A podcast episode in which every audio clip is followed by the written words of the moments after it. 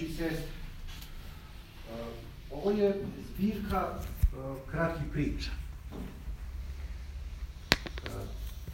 Pripovedaka, ali doživljenih i proživljenih. To su uglavnom, kako je rekla profesorka Čolić, iskustva samog oca Dragomira Sanda. Znači, on je ovo video, doživeo. Ima nekoliko priča koje su uh, vrlo ubedljivo is, ispričane, ispripovedane. Uh, o književnom daru pisa neka sude po zvanju. Uh, moram da kažem, kao laik i kao čitalac, da su veoma, veoma sugestivne i snažno napisane. Izdvojio bih naročito ovu prvu priču Brizi i blagoslov Svete Petke o boleloj živki. O gospođi iz Sremske Mitrovice koja je na pragu onostranog, ali ne može da ode, jer vidi stalno ispred sebe jednu ženu u dugoj crnoj haljini, to je, ona zna da je to Sveta Petka, pošto se je radila celo života sa ikonama, radila u kulturi, i poruka bi trebalo da se pričesti, ispovedi. E, ta priča ima neku snažnu, neku, ne znam, veoma je, veoma je snažna, ne samo zato što je uh, otac Dragomir, tada mlađi parohijski sveštenik u Sremskoj Mitrovici, tu. I se o svemu pripoveda iz prve ruke. To je nekako, atmosfera je zaista u toj priči posebna. I nije strašna. A to su ovo, ovde su na jednom mestu sabrane priče o čudima.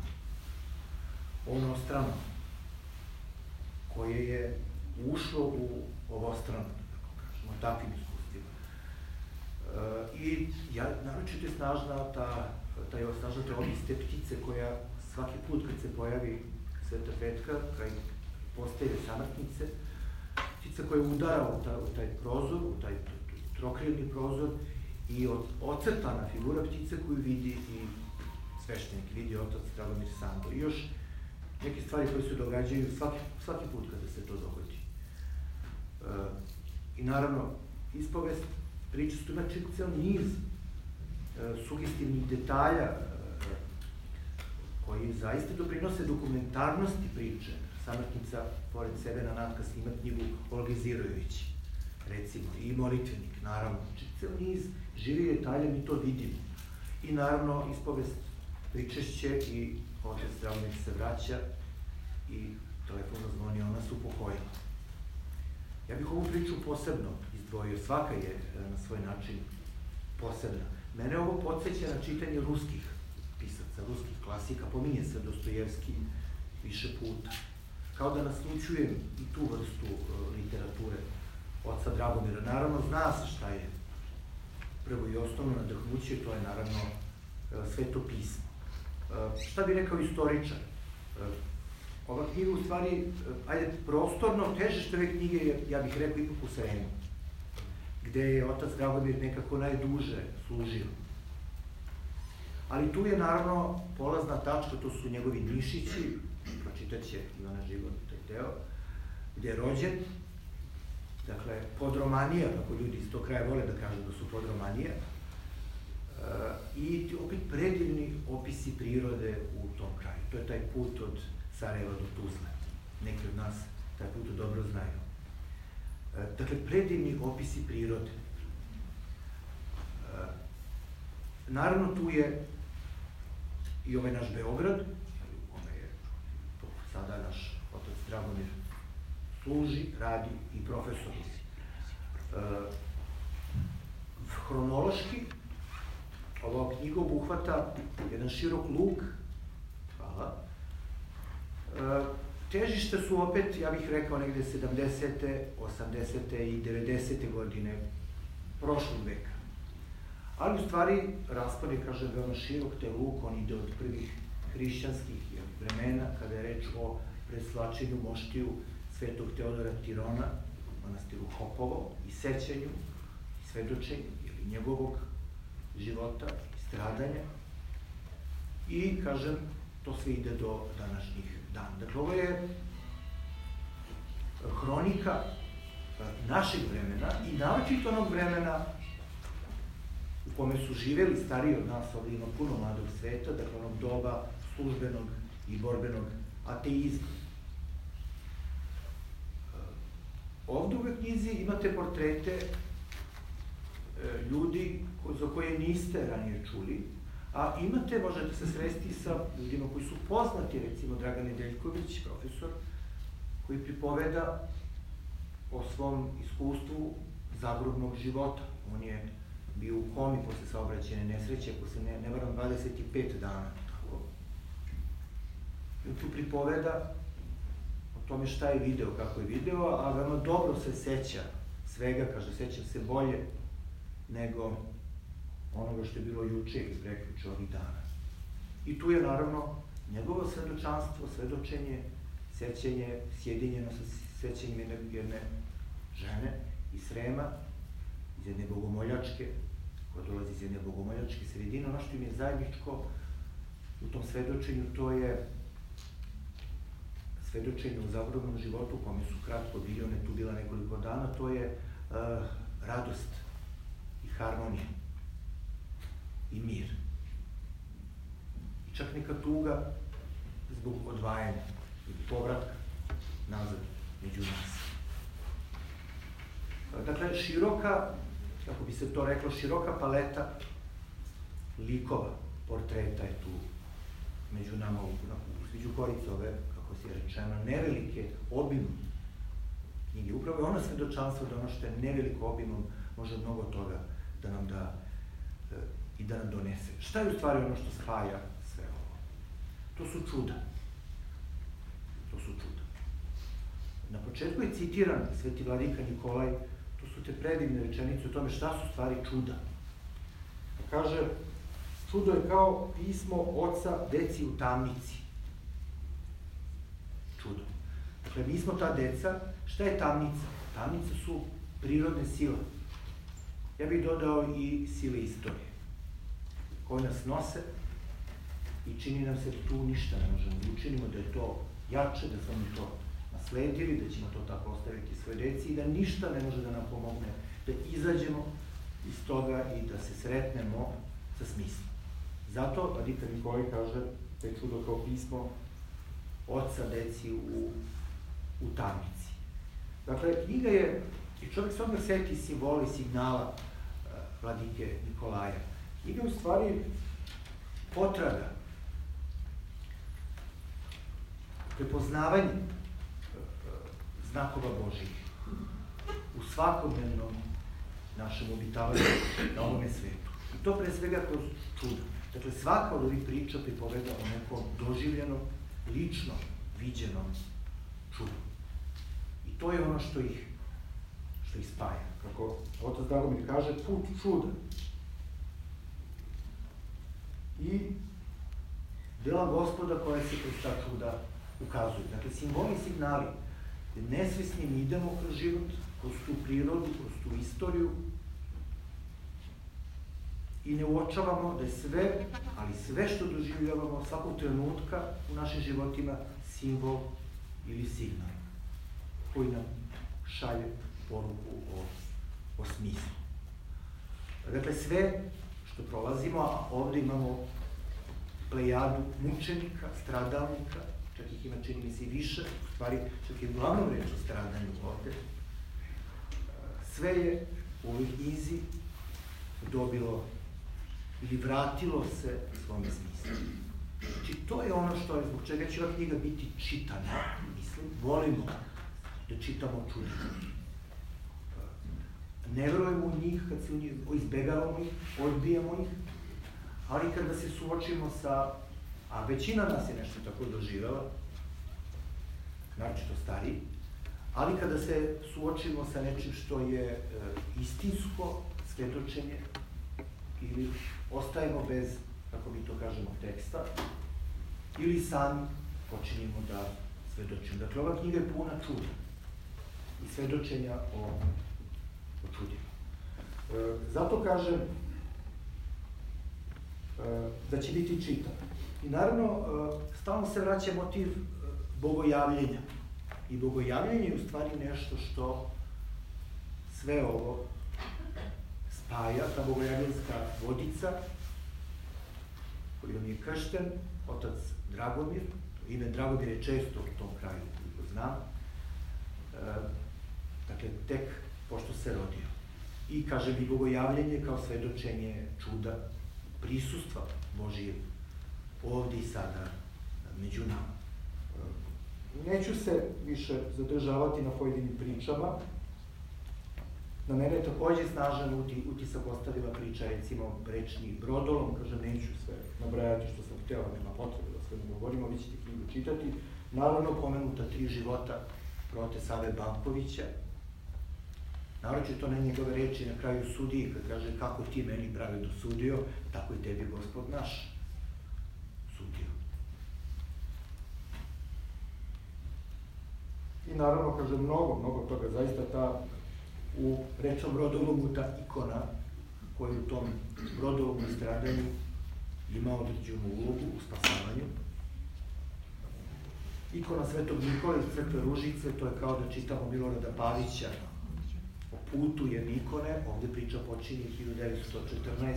15. kada na austrougarski oficir uzima ikonu i odnosi je iz ruševina, pa onda ta ikona naravno završava kod njegove porodice u Austriji, pa stiže do Italije i na kraju dolazi nazad u svoju, u svoju crkvu. Ehm, zli duh koji je napao devojku iz Banja Luke, takođe vrlo, vrlo snažna, snažna priča koja mora da se pročita. Ehm, ja ne bih više govorio i neću nastojati da prepričam ovu knjigu, pošto je to nemoguće.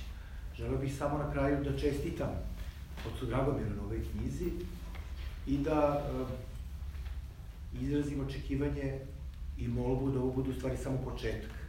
Ovo je prva knjiga njegova ove vrste, on je, znate, profesor Univerziteta u Beogradu, ovo je prva knjiga ove vrste i na nama je samo da ga zamolimo da sa ovakvim knjigama nastavi. Ja, hvala vam.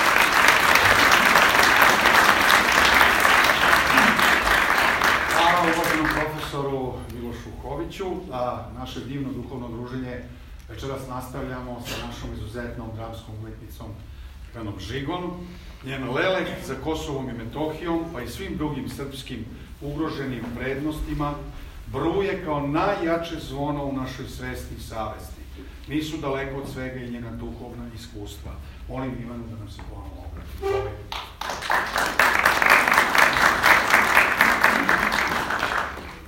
Ničeg nema slučajnog. Luč blista čak i u toj reči slučajno. Toliko svetlosti u njoj. Pa eto, prva priča koju sam čitala tiče se blagodarnosti Bogu, ali ona nas takođe uči da budemo blagodarni jedni drugima i u ovoj prilici ja ne bih mogla da izostavim, a da se ne zahvalim ocu Sandu za sve što čini, bilo bi možda neukusno da se zahvalim za svemu što je uspeo tako nenametljivo kakav on i jeste da učini i za mene i moju sudbinu, za sve brodolome, zašto kaže brodolome, zato što se sledeća priča, ne priča, nego istinita priča koju ću čitati zove rečni brodolom, što je pružao ruke u nekim mojim ličnim brodolima i sigurna sam da u ovom teškom vremenu ova sala ne bi bila baš tako puna, da nema toliko ljudi koji su eto i na ovom brodu dokazali da otac Sando je toliko puta pružio ruku i bio tu sa nama. Hvala, oče Sando. Izvinite, znam u vašoj skromnosti da je vama to neprijatno, ali uh, imala sam potrebu da vam se zahvalim. Rečni brodolom godine 1952. septembra 9. dogodila se najveća zabeležena nesreća u našem rečnom saobraćaju. Na ušću Save u Dunav kod Beograda prevrnuo se i potonuo brod Niš sa oko 140 putnika, od kojih se 118 udavilo, a 22 spasilo, što su do duše nezvanični podaci. Misli se da je broj spasenih još manji. Tada smo bili studenti u Beogradu i često sam posećivao svog brata Dušana u Zemonu, gde je studirao šumarstvo. Nekada sam to činio autobusom, a nekada malim brodom koji je nekoliko puta dnevno prevozio putnike s jednog pristaništa na drugo. U kući u kojoj sam stanovao u Beogradu u Zmajovinoj 52, sprijateljio sam se s jednom ženom, ruskinjom Julijom Fjodorovnom Đurković, koja na zidu u gostinskoj sobi držala staru ikonu, nađenu na zgarištu neke crkve u Rusiji i donesenu posle 1918. godine. Ikona je bila potpuno crna od čađi i na njoj se gotovo ništa nije videlo. Ponudio sam Juliji Fjodorovnoj da očistim ikonu u Sremskom Mitrovačkom muzeju, gde su upravo radili konzervatori iz Novog Sada. Ona je to sa radošću prihvatila. Oko 13 časova našli smo se na pristaništu s mojim mlađim prijateljem Fjodorom Stojanovićem. Vladislav je ostao na doku dok smo Fjodor i ja imali nameru da posetimo brata Midušana i produžimo za Mitrovicu. Mali linijski brod Niš već je davao signale za polazak, tako da smo u poslednjem momentu uskočili na palubu. Svaki kutak na brodu bio ispunjen putnicima, jer autobusi toga dana nisu saobraćali sa Zemunom zbog nekih popravki na mostu. Jedva smo našli mesto za stajanje ispred vrata salona druge klase u zadnjem delu broda. Rasejano sam primetio da se u daljini iznad Zemuna gomilaju crni oblaci i dobacio Fjodoru, lako možemo i da pokisnemo. On je stajao pored mene i držao u ruci kožnu torbu sa ikonom i rođendanskim kolačima. Brod nas je poneo, načinio zaokret i pojurio u susret oblacima. Odjednom je počela kiša, a s njom i jak vetar. Neko od nas je rekao moramo se nekako ugurati u salon. S mukom smo otvorili vrata i uvukli se među putnike stisnute na ulazu u kabinu. Fjodor se nekako probio na levu stranu, a ja sam ostao u sredini. Kiša je dobovala po krovu i njen zvuk postao je sve jači i jači. Pomislio sam kad bi se brod prevrnuo, odavde niko živ ne bi izašao. Ne znam, ne znam koliko je prošlo vremena kad nas je iznenada trgao snažan prasak, levo gore, tačno, ali tačno iznad Fjodorove glave rascepio se krov. Začuo se vrisak žena i muškaraca, s leve strane salona. Bilo je očigledno da je vetar otkinuo komad krova i odnao ga u talase reke. U uglu tavanice, upravo iznad Fjodorove glave, pojavio se mutan kvadrat neba i kroz njega se slivala kiša. A tada počeo da se izdiže patos pod nogama i stvara kosu ravan. Kliznuo sam na ljude iza sebe, a oni ispred mene padali su na moje grudi. Brod se prevrtao na svoju desnu stranu. Pokušao sam da se uspravim, ali nisam mogao. Postao sam deo velikog i živog klupčeta od preko 50 ljudi zarobljenih i stegnutih u minijaturnom salonu. Vrata iz nekih razloga nisu mogla da se otvore, a voda je kuljala, kuljala je negde sa desne strane. Pod se brodića potpuno iskosio, zapravo izdizao se na onoj strani gde se pojavio otvor na krovu, a mi smo se sve više klizili na suprotnu stranu.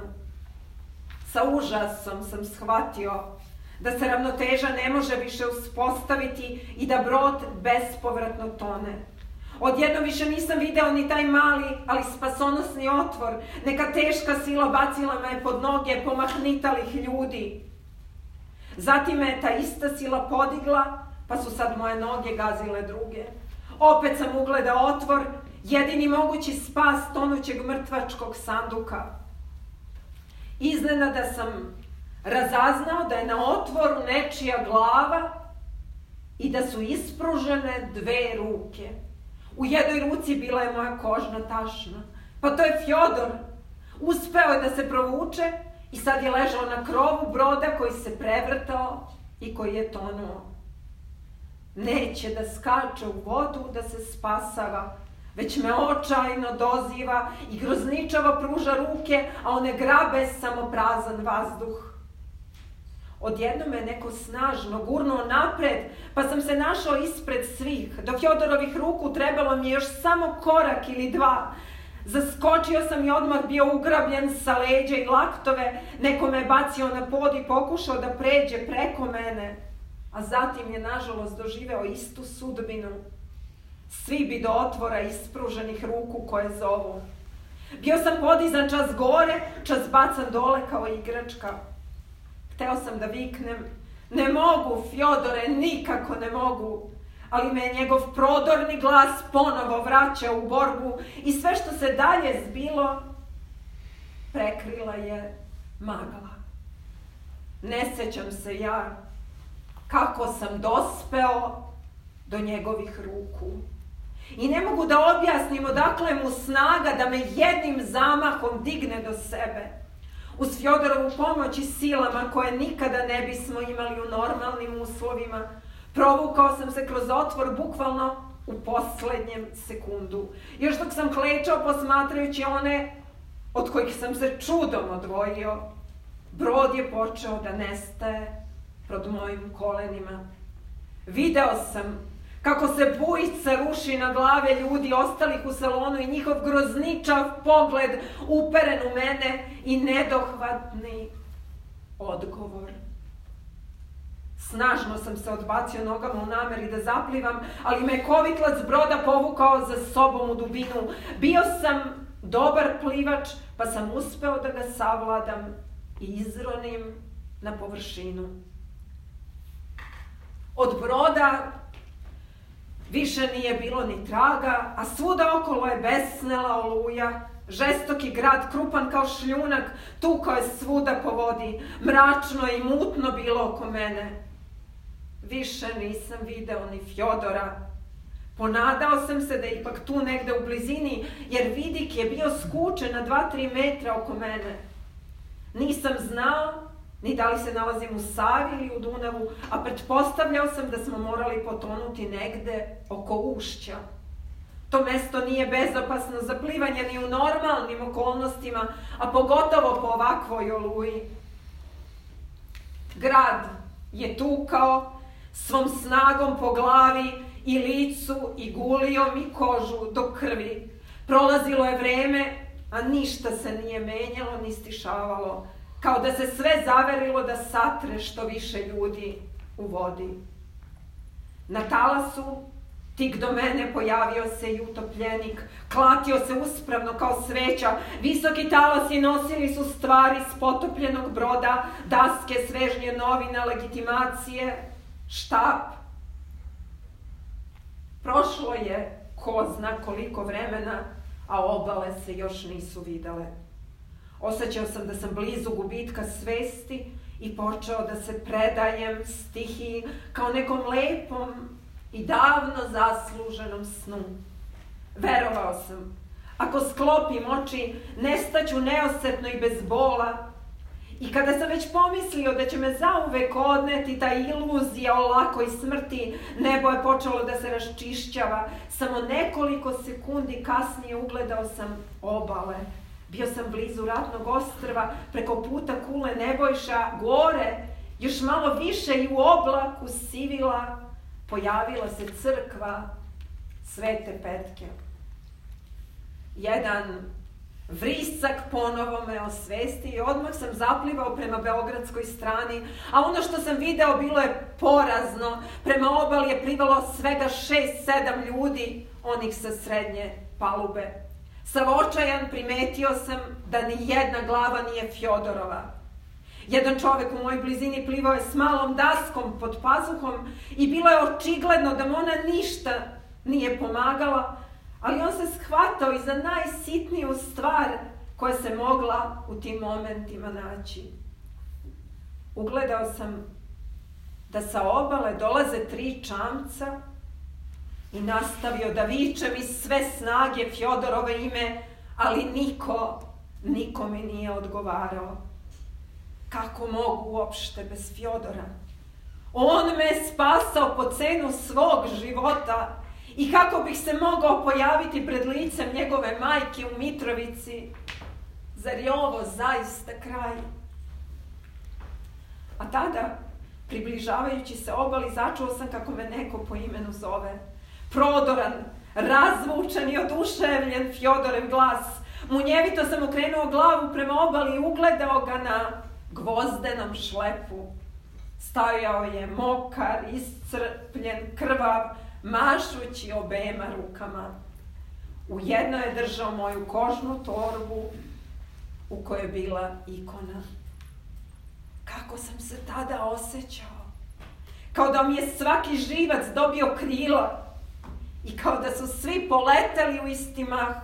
Bilo je to bezumlje radosti, Hteo sam ponovo da skočim u vodu i zaplivam, ali su me ona dvojica čvrsto držala. Jedan mi je rekao, ma živ je, živ je tvoj Fjodor.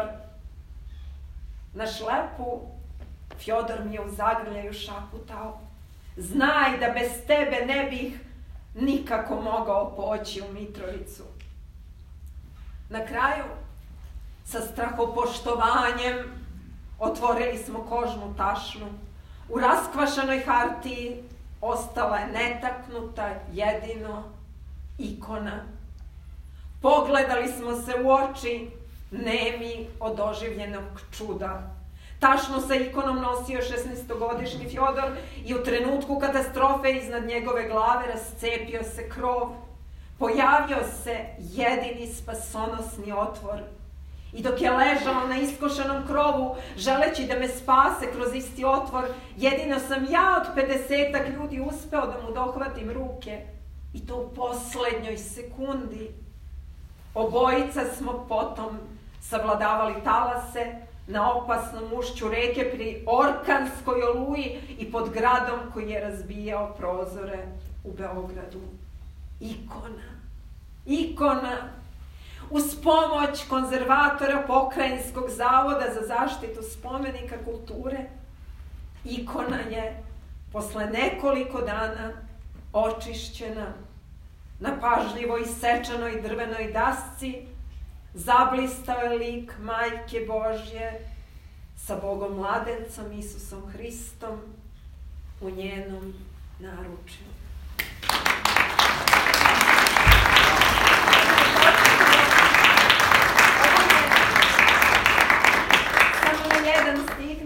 Podsjetila ova potresna priča iskazana tako jednim divnim književnim jezikom na stihove svetog vladike Nikolaja. Bura se ne bojiš, posred bura hodiš, kad i fenom rukom brodolom ne vodiš. Carice tišine, poseti nas žurno i tišinom svojom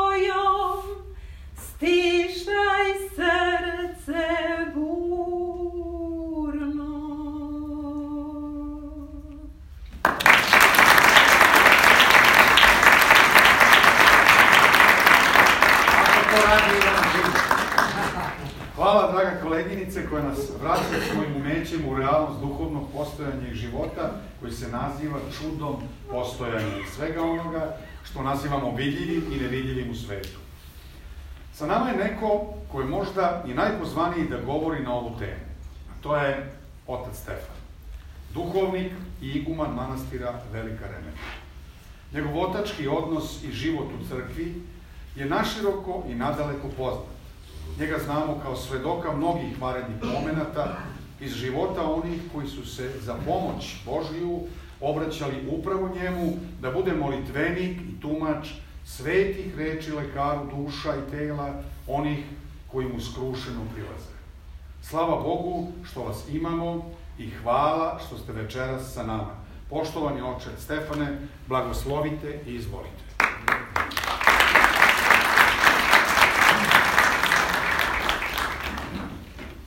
Da bude Boži blagoslov svima vama i hvala na, na, na, na a nešto me ova priča iz eh, ljudskog rvanja sa vodom i slomenim brodom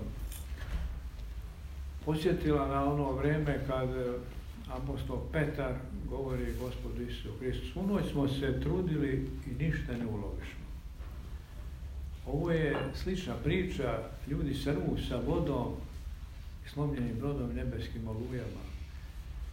Koji su to ljudi i kakvi to ljudi mogu tome da se suprostave, dodole, niko živ ostaje tu, kao što sam pisac kaže, mislio sam niko živ ostaje neće, ali opet neko ostane. Ostane neko u Kuljičkoj jami, ne možete pobiti. I u mnogim drugim mjestima, pa se pitamo ko je sad ovdje bio kapetan broda u ovome brodu. Ako ne bi bilo Hristove milosti blagodati ovdje, ne bi ostao ni brod, ni ljudi. Poneki komad od broda ostane kao ono vreme Pavlovoga piše, kada brod se slomio, propade žito i alat i sve. Samo poneka daska ostane i mi na te daske prihvatišmo, isplivaš, prosto smo živi i prinesu smo hvalu Bogu.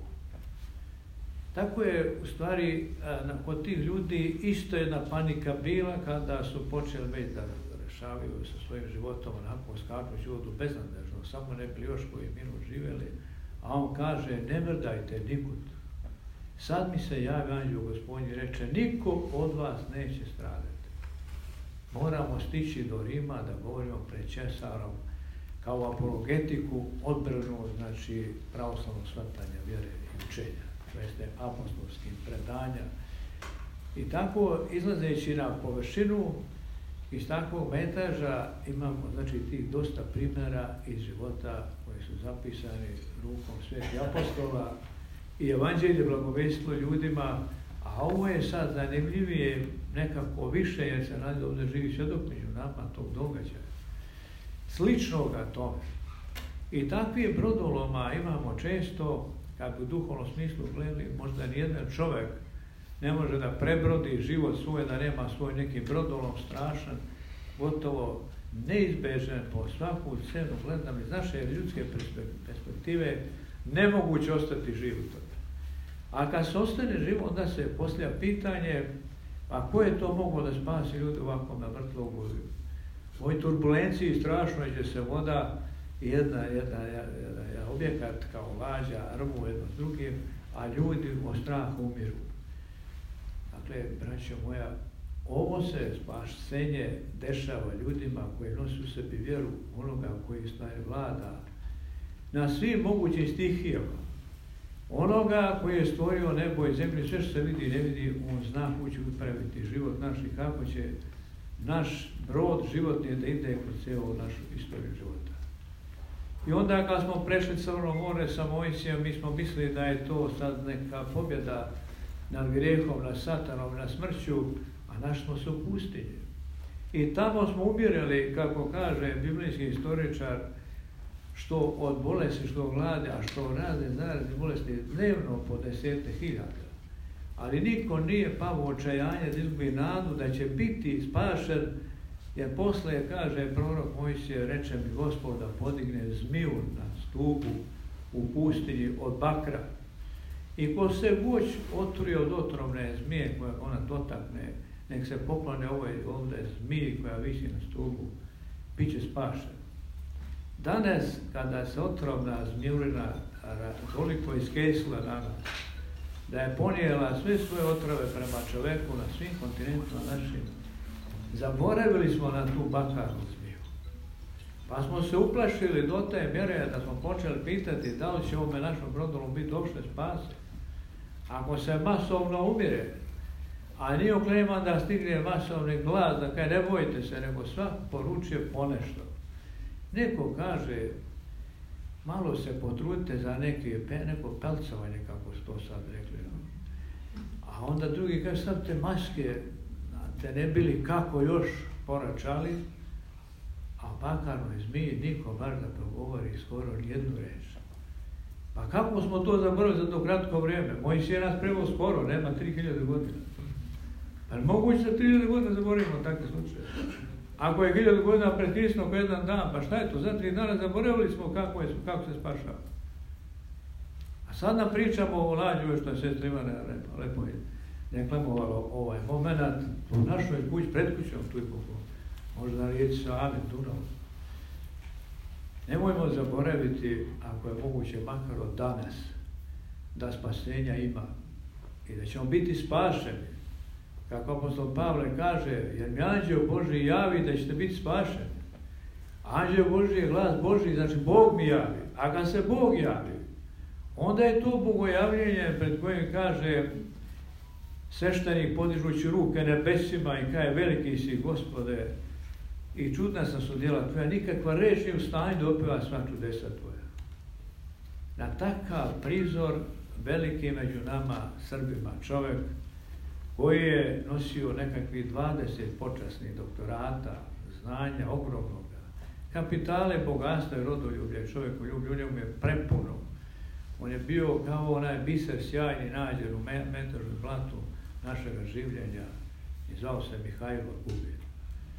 Pa kaže, kad sam vidio sveštenika mog staroga protu, kad je podigao ruke nebesima, ja sam u sebi stvorio jednu sliku i rekao, a ovo, kakva li ovo sila, kakva li ovo moć kad ovaj pretvara vodu pokvaranu u ne, nepokvaranu.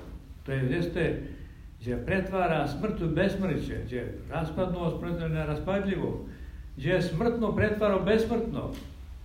I opet, i opet, braće moja, zaboravimo. Taj veliki Mihajlo, kad je to vidio, on nije zaboravio. On je govorio i pored svih mojih počasti, znanja i čast koje imamo u svijetu i kod nas, sve je to nula na odnos ove dignute ruke. Ali one nisu dignute kao obične ruke stvorene kao što imamo iz pet prsta i malo ramena i tako. To se digo čovjek do nebesa. I sa desne strane slave Božije doziva i kaže veliki si gospod, ali pretvori sam do voda i ovi ljudi tvoji postao velike, pijući ovu vodu ne slomljenom lađom, kad se turbulencija stvara smrtna, nego životnom koja podiže čoveka do samih nebesa, onda iznad nebesa sa desne strane slave koje. To je, braćo moja, čudo i čudesa koje svoje knjizi naglašavaju ponegde. Kako? Zato što pisac ove knjige je taj svešnik koji diže ruke nebesima. Ne pruža i slomljenoj lađi, niti pruža Teodoru nemoćnom i slabom, nego pruža Hristu da spasi Teodora i njega. I zato se mogao bratu Mitrovi sa zadovoljstvom jer je preživio smrtnu čašu, ispio do dnova, ali nije umro. Plamtio i gorio strah, ali nije se gorio. I to je veličina našega pravoslavnog svatanja vjere. I ako hoćemo sa ovim ovakvim e, piscima možemo postići velike rezultate, nije slučajno otac Drago rođen u visoko, se zove mjesto visoko, a gdje je to visoko mesto, braća moja? Ono je, ono je valovito je Bosne, gdje ništa nije visoko. Tamo je svako brdo za nas jednostavno i priprosto, iako se preko njega ide po nekoliko sati. Pa šta onda to je visoko? Visoki su ljudi tamo. Visoki sumom i srcom mogu da obuhvate svojom ljubavlju celo čovečanstvo i smjeste, kao što sveti Serafni Sarovski kaže, ako postigne smirenje u srcu i savesti svoje, možeš primiti nekoliko hiljada, a možda i stotina da spasiš oko sebe. To visoko mesto, to je mesto opštino koje se živjelo i radilo i dan danas se drži. Onda smo nekada radili te poslove izvodili sa građevinskog firma. Dakle, kad ljudi se rode u mestu koje ima svoje zvučno ime, oni se trude da opravdaju to ime, ne samo jedan, nego svi, kako bi mogli sutra da kažu, ja sam rodom od visokog. Ja kad kada sam rodom sa Manjače, ljudi ne misle na Manjaču, na mene, nego misle još četiri četnika na Manjaču. To je posljednje dane komunizmu broja. Taj posljednji da. E, braćo, kako, kako oni pevaju? Oni ne pjevaju kao ja, ja ne znam pjevati, znate. Ja, ja sam za pjesmu antisluhista, ali nisam protiv pojanja. Nemam sluha dovoljno izgrađenog da bi ja tu znao pesmu pjevati.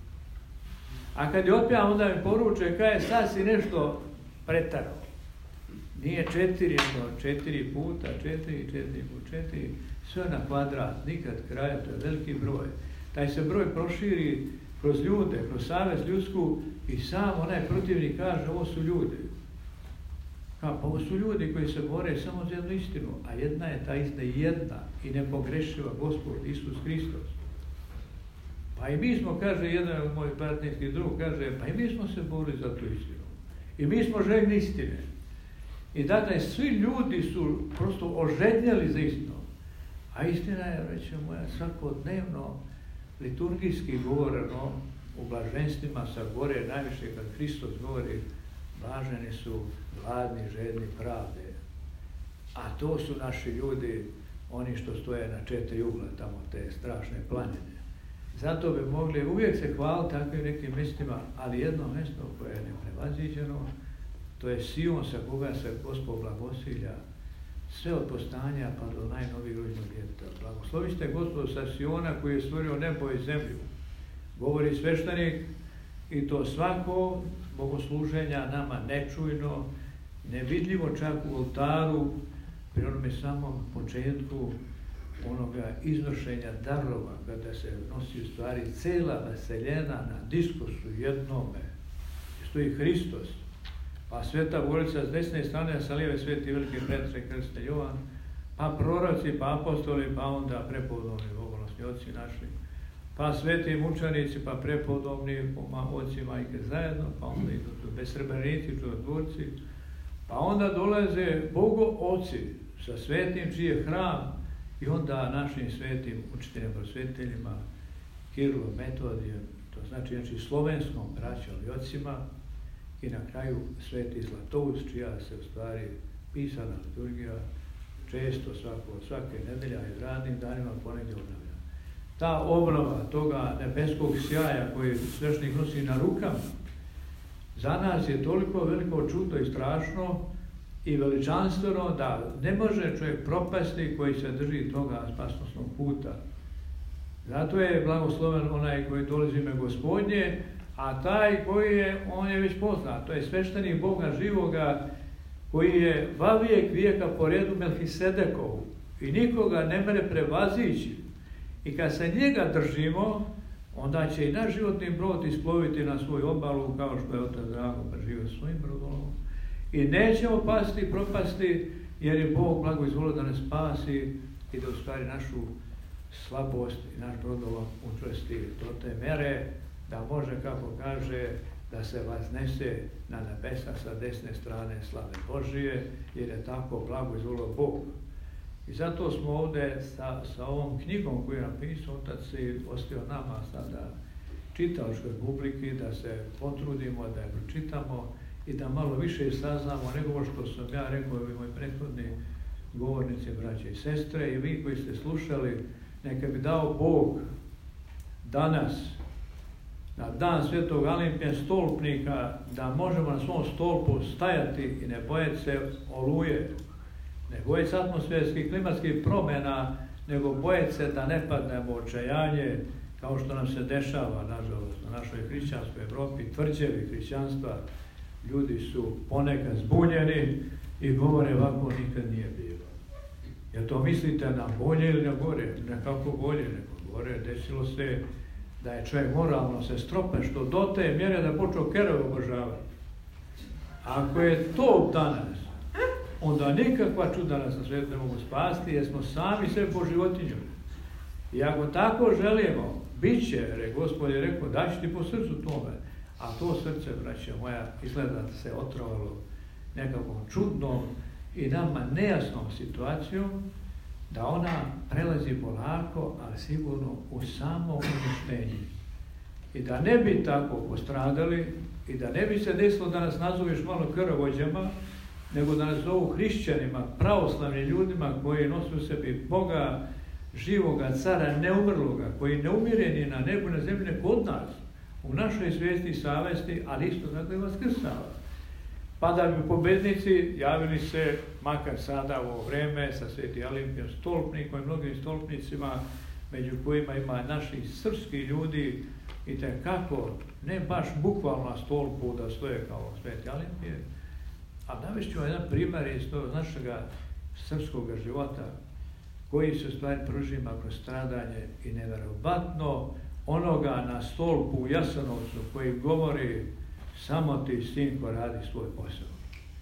Ni čudnijeg događaja, strašnijeg užasa nije bilo u novoj istoriji, a lepšega, lepše opomene, samo ti radi svoj posao. Taj posao koji on radi, radi po nečijem nalogu. I taj nalog još nije poznat. I neće se znati možda do strašnog suda, ali kako bude da bude, ova pesma će se čuti dok je vaseljene čovečanske. Samo ti sinko radi svoj posao. I mučenička Slavonija, kako vladika Jovan Pakrački i cele Slavonije kaže, braćo, dala je u novoj istoriji dva čoveka, dva strašna čovjeka, dve gromade ljudske, to je Vukašin mučenik i patrijar Pavle, onaj koji je znamo da kaže sažeto u dve riječi sve što treba današnjem čovjeku budimo ljudi. Ako smo ljudi, u ljudskoj svijesti stanuje Bogo čovečanska blagodat. I ta blagodat koja oživljava mrtve i podiže, može da i ova sva čudesa smo nabrali večeras, potvrđena budu blagodaću Božjom jer je Bog tako blago izvoleo. Pa neka dade Bog samo nekoliko riječi da ne mi sada ulezu dublje u temu, pošto su je dosta kazalo i reklo, dosta je lepo su ovi pevača otpevali pesme, sestra Ivana je ovo sad pokazala ovu priču iz Nikolajevskih pesama. Dakle, bilo bi mi drago da ova knjiga od danas bude onako na jedan jednostavan način preporučena čitavcima i da vi date o njoj pravi sud, a mi smo već rekli da nam se dopada i knjiga i pisac, su dragi, neka je hvala za ovakav rad i vama svima koji se trudite da ovo delo njegovo sada podržimo i ako bude Bog ugodno, da čekamo i sledeći broj, sledeći izdanje o čudima i čudesima, jer je neko rekao, možda nehotimično, ali ja se tu i složio, da naša vjera počiva i začinje se na čudima i čudesima, jer ništa ne može bez toga. Čudno je kad je Arkanđel Gavrilo nebesku silu spuštio u Nazara da kaže djevojci raduj se, a čudo je kad je obavestio da se rodili, čudno je kada je sa njom putnuo iz Nazareta do Egipta, čudno je sve, čudno je prečudno, ali je sve moguće Bogu, sve moguće. I zato je vama, verujućim ljudima, je rečeno, ko veruje, sve mu je moguće ono što je dobro. Ajde od danas započnemo da verujemo samo ono što je dobro i da pobedimo zlo, a onda ćemo čuti pesmu nad pesmama Slava Bogu na visini mir među ljudima, dobra volja, sada i uvijek i u vekova vekova.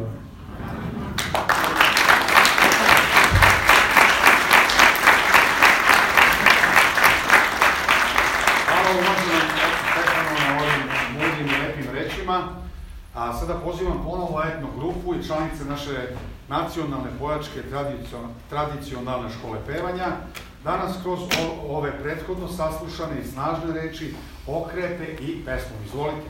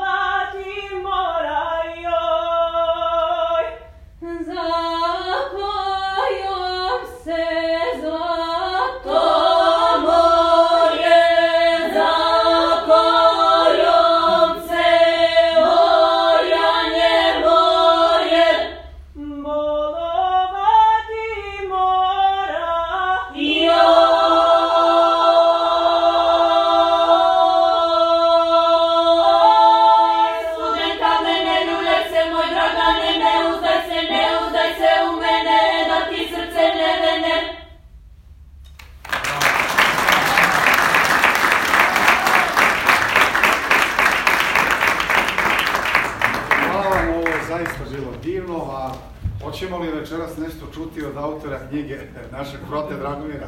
Molim vas, izvolite, obratite nam se. Ajmo jedan aplauz.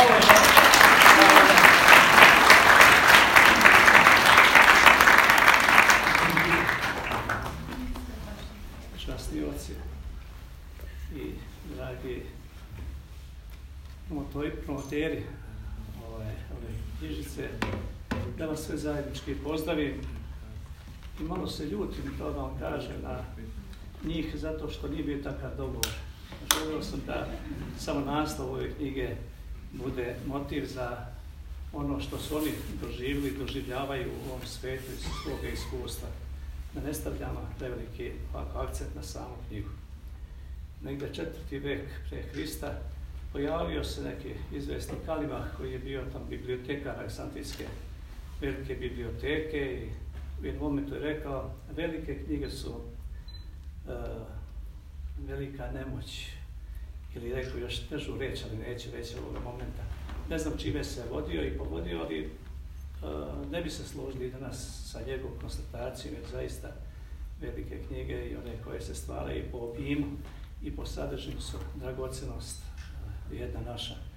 Ali ovo sam pomenuo iz prostog razloga što ponekad i manje knjige, ove džepne knjige, mogu da budu od koristi, pogotovo danas kada se mnogo više, slobodno reći, više piše nego što se čita.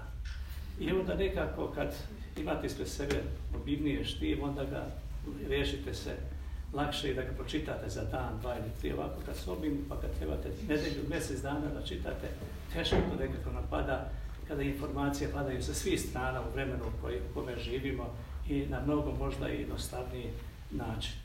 Eto, mene je pre ne tako davno podstakao razgovor nekoliko ljudi iz naših hramova kada sam često besedio, pa volim da besedama da pomenem živi primer naše vere, jer u istinu ta čuda nas potkrepljuju, osnažuju nas, uh, bivamo trezveniji, bivamo bolji, bivamo nekako uh, topli prema drugome, a svakako i prema svojoj duši. Onda su rekli, nemoj oče, otići to s tobom zabora, daj to pribeleži.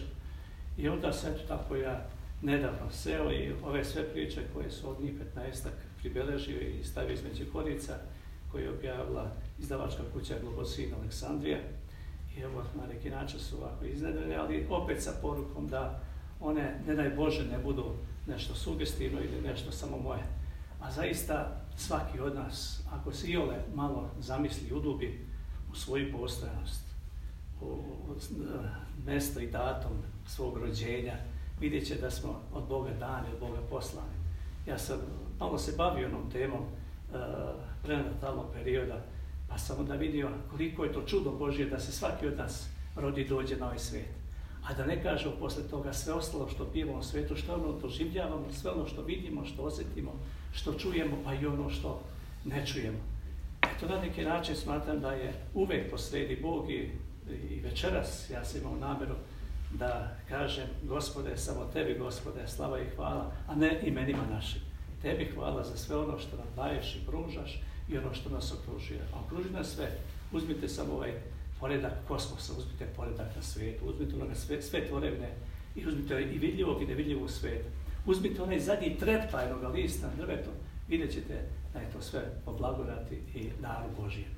Tako, eto, to, od te punoće božanske, teo sam samo da i, ovo istreknem nešto što će možda biti nekome i na korist i na radost.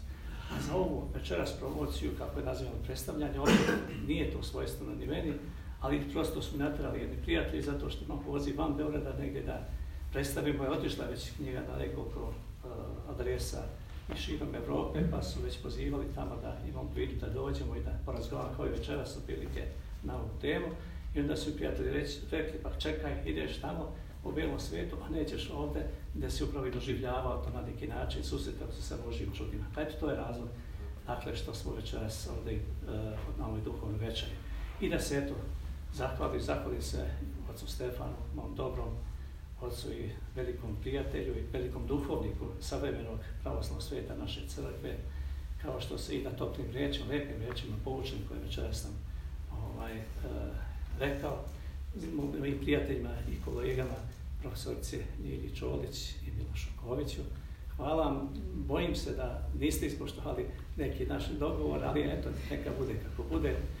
Uh, Ivani uh, i, i Gojko na predstavljanju i čitanju tekstova i koliko sam pomislio večeras da to nisam ja pisao, zato što su na neki lepši način to proiznijeli nego što sam mogao i sam i da živim u neku ruku sve ovo što je pročitali. I ovi devojkama etno grupe Bojan Nikolić koji su večeras uveličali ovu večer.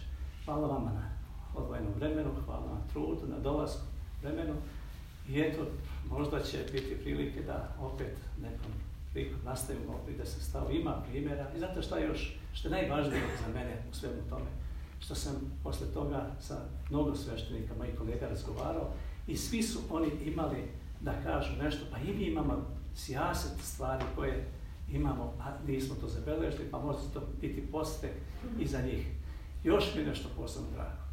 Posebno drago što u ovim knjigama nije zastupljena isključivo i samo mantija, nisu samo zastupljene ličnosti uh, sveštenika jerarhije crkve, nego su u najvećem broju, daleko većim, upravo ljudi crkve koji svedoče Boga na neki drugačiji način, a ponekad mi se to čini da je i važnije i, i, i silnije nego kad to govori sveštenik, makar to činio i radio sa oltara ili pisao na ovakav način svedočanstava. Eto, to su dakle ljudi koji su uvijek bili iz srcu, kao što je ovaj večeras doživljam vas, dragi moji, i oprostite ovako malo što kratko pričam, jer sam pomalo i uzbuđen, pravno kažem, jer nisam se spremao da ja sam, mislite, ništa ne kažem, ali eto, pozdravljam vas, pa da se, ako Bog da, vidimo.